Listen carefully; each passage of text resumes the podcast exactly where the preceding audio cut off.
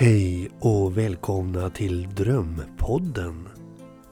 Jag heter Per Flyr och är er värd i natt. Och med mig som bisittare har jag som vanligt Ove Ingmarsson, filosofie doktor från Lunds universitet. Välkommen! Tack så mycket! Men bisittare, det låter väldigt tråkigt det. Det är väl snarare så att det är jag som är själva hjärnan i detta program. Ja, det kan du ha rätt i professorn. Just det ja. Min professur är ju dessutom något som du aldrig har nämnt. Och det är ju inte helt ovidkommande. Jag ber om förlåtelse.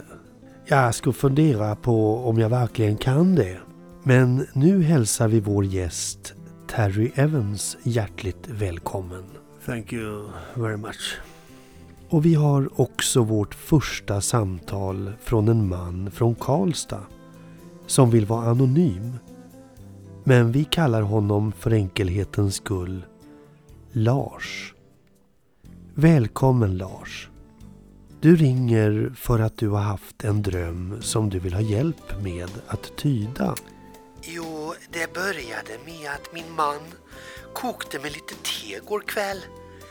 Eh, han hade fått en liten sändning från sitt hemland så att säga. Vad var det för växter?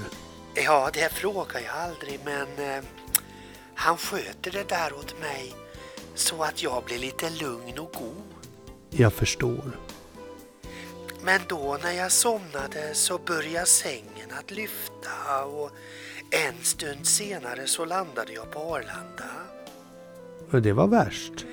Ja, på Arlanda så träffade jag Kofi Annan och Olof Palme. Och Olof Palme sa Jag skulle gärna vilja att du, Lars, målar en tavla som eh, avslöjar min baneman. Och där stod det plötsligt ett staffli och en massa akvarellfärger. Uh, very interesting. Ja, jag började genast att måla och jag blev rädd för det växte fram en bild på min man. Och så vaknade jag och hörde röster nere i källaren. Vad gjorde du då? Jo, jag steg upp och smög ner och där såg jag honom som pratade med sig själv. Och det var liksom som om han var besatt och fradgan rann från hans mun.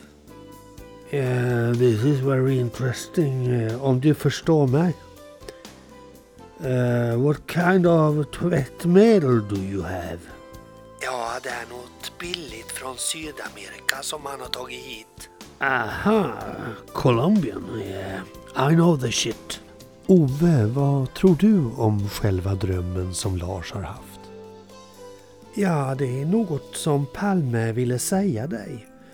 Eh, och just det faktum att Kofi Annan var med honom. Det är bara för att understryka vikten av att snabbt finna mördaren. Ja, men varför just jag? Jo, för att den så kallade fantombilden som gjordes efter mordet var ju absolut inget konstnärligt mästerverk. Nej, det kan man väl inte säga. Nej, det var ju Hans Holmér själv som hade klippt och klistrat med hjälp av Marjasin en sen natt på krogen. Då förstod vi akademiker i Lund att det var så nästan direkt. Ja, Palme wanted you to make a professional painting because I might think uh, you are a professional artist. I close my eyes and I can see a picture of Sandgrund. Förstår du? ja, I can also see a little man from Brazil dancing lap dance in your knee. Förstår du mig? ja, det gör jag. And I can feel very sexual emotions between you guys. Förstår du? Ja, det kan man... Det, det, det, det är ingen underdrift. Ah, in my head I hear a name.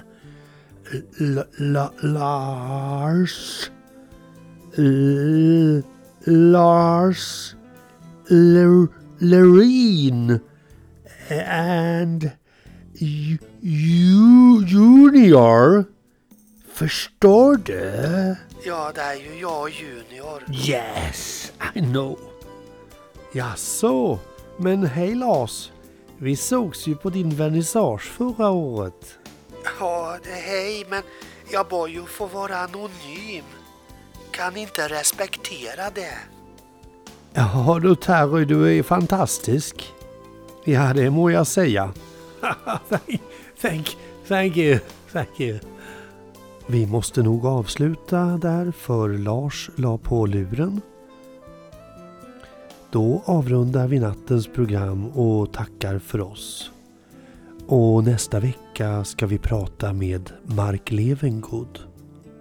Sov gott och dröm sött.